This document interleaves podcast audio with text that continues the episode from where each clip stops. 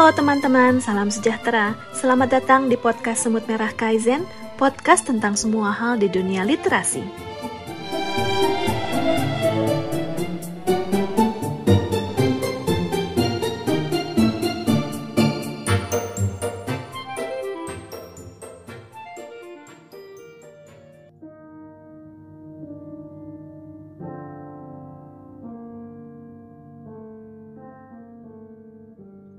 Halo gula-gula yang manis.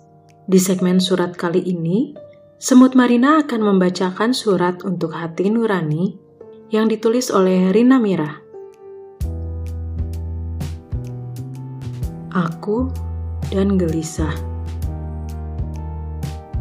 Aku tumbuh bersama kegelisahanku tentang hidup. Ibu bilang, hidup jangan gelisah, santai saja. Belakangan ini, aku sering gelisah tentang kapan harus bertahan atau melepaskan.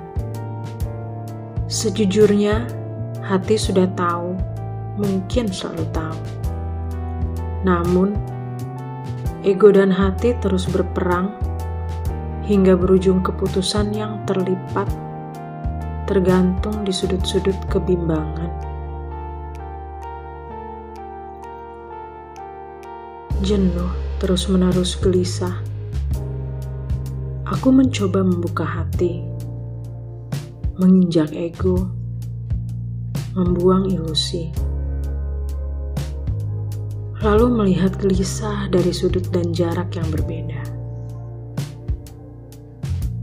Mungkin gelisah bukan musuh.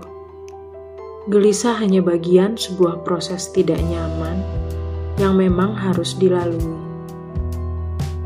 Ah, gelisah bisa juga jadi alarm dari semesta yang berarti panggilan untuk melakukan sesuatu sebagai manusia.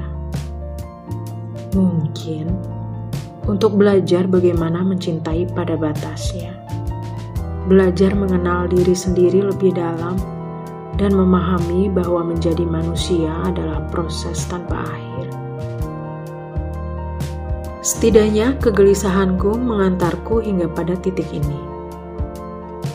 Berbagai titik yang sebelumnya terpencar, kini bersama waktu, pemahaman, dan izin Tuhan, tiap titik mulai bisa terlihat kaitannya satu sama lain. Titik-titik yang mengantarkan pertanyaanku bertaut dengan jawabannya. Kembali ke kalimat awalku Aku juga gelisah karena belakangan ini sadar sudah lupa bersyukur memiliki ibu yang mengingatkan untuk menikmati hidup. Aku dibutakan dengan berbagai pembenaran tentang dunia yang seharusnya berjalan sesuai mauku. Tidak heran terus-menerus gelisah. Untuk diriku di masa kini maupun masa depan, sekali lagi kuingatkan, Gelisah bukan petaka. Gelisah artinya kamu perlu bersyukur dan mengakui segala keburukan yang menempel di pundakmu sambil perlahan menelisik caramu memandang gelisah. Lihatlah ia dari jarak, sudut, dan cara pandang yang berbeda.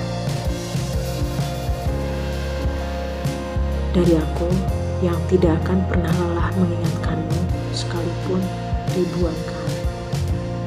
Demikian podcast Semut Merah Kaizen episode kali ini. Sampai jumpa di episode berikutnya, karena semua orang bisa menulis dan semua penulis butuh komunitas. Salam literasi. thank you